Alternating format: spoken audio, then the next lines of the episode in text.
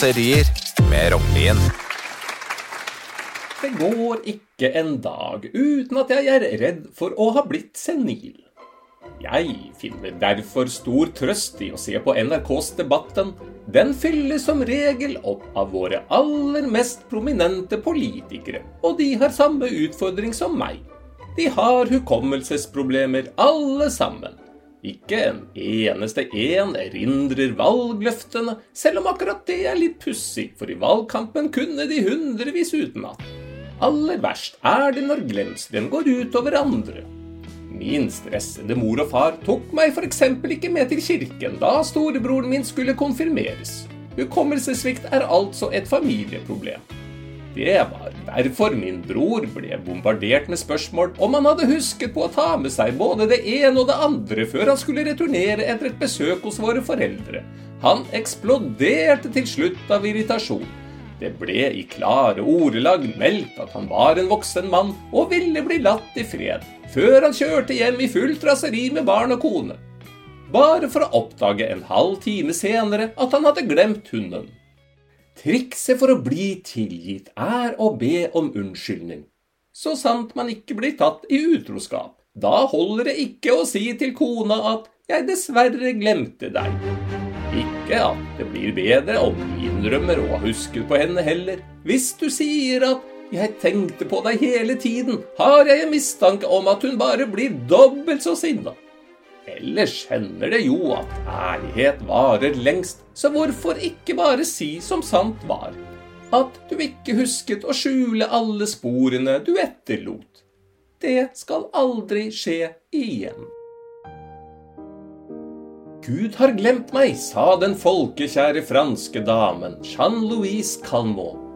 Så kom han til slutt på henne, og hun gikk bort 122 år gammel i 1997. Hun ble verdens eldste kvinne. Det får være en trøst, både at glemsel kan skje den beste, men også gi oss et ørlite håp om at Herren kan gjøre den feiltagelsen flere ganger. Det er derfor jeg aldri går i gudstjenester. Jeg vil ikke minne ham på at jeg fortsatt er blant oss. Noen ganger kunne det derimot være en fordel å ikke komme på alt. Jeg regelrett krymper meg hver gang jeg minnes en av mine mange idiotiske blemmer. Er det ikke typisk?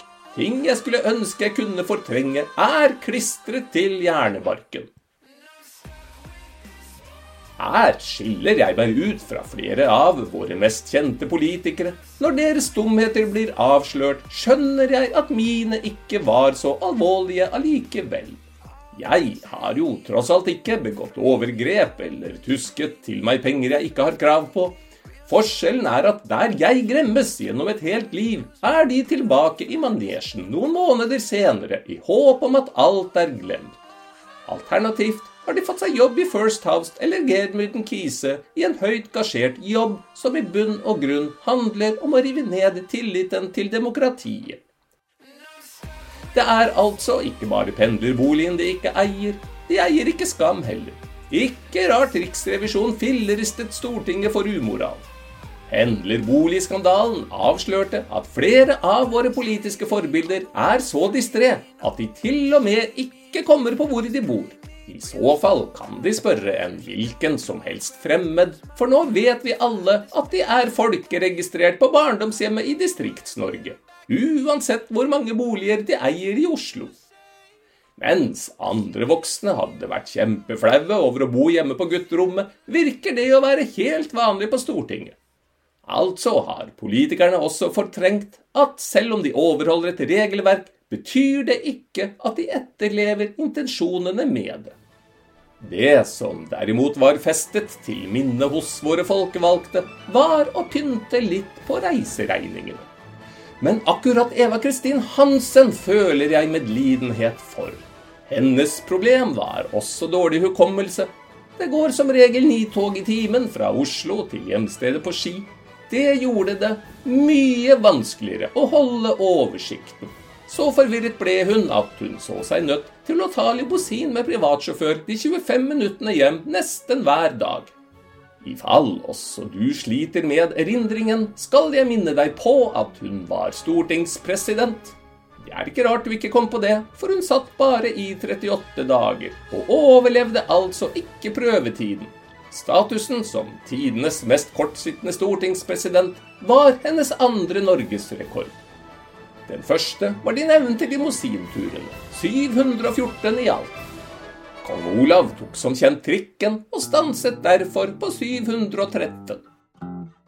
Da hun skulle sikre seg pendlergodtgjørelse, oppga hun at hun leide rom hos Trond Giske i Trondheim. Da glemte hun all fornuft. Tipper det ble bråk i heimen når det ble kjent. Jeg hadde i hvert fall blitt urolig, hadde kona delt stallplass med landets mest beryktede avlshingst. Men én ting skal den tidligere stortingspresidenten ha. Hun oppførte seg med AUF-ere i nærheten. Det er mang en middelaldrende mannlig politiker som ikke husket aldersforskjellen når de som en del av politikeropplæringen lærte fulle kvinnelige ungdomspolitikere nye triks på hotellrommet etter midnatt. Det aller tristeste som litt for mange av våre rikspolitikere har glemt, er allikevel folkeskikk. De fleste lærer barna å snakke sant. Ikke klå, ikke skylde på andre, ikke stjele. Behandle mennesker med respekt, og la andre snakke ferdig før det er din tur. Alle viktige egenskaper du ikke får bruk for i rikspolitikken. Du har lyttet til Kuriøse kåserier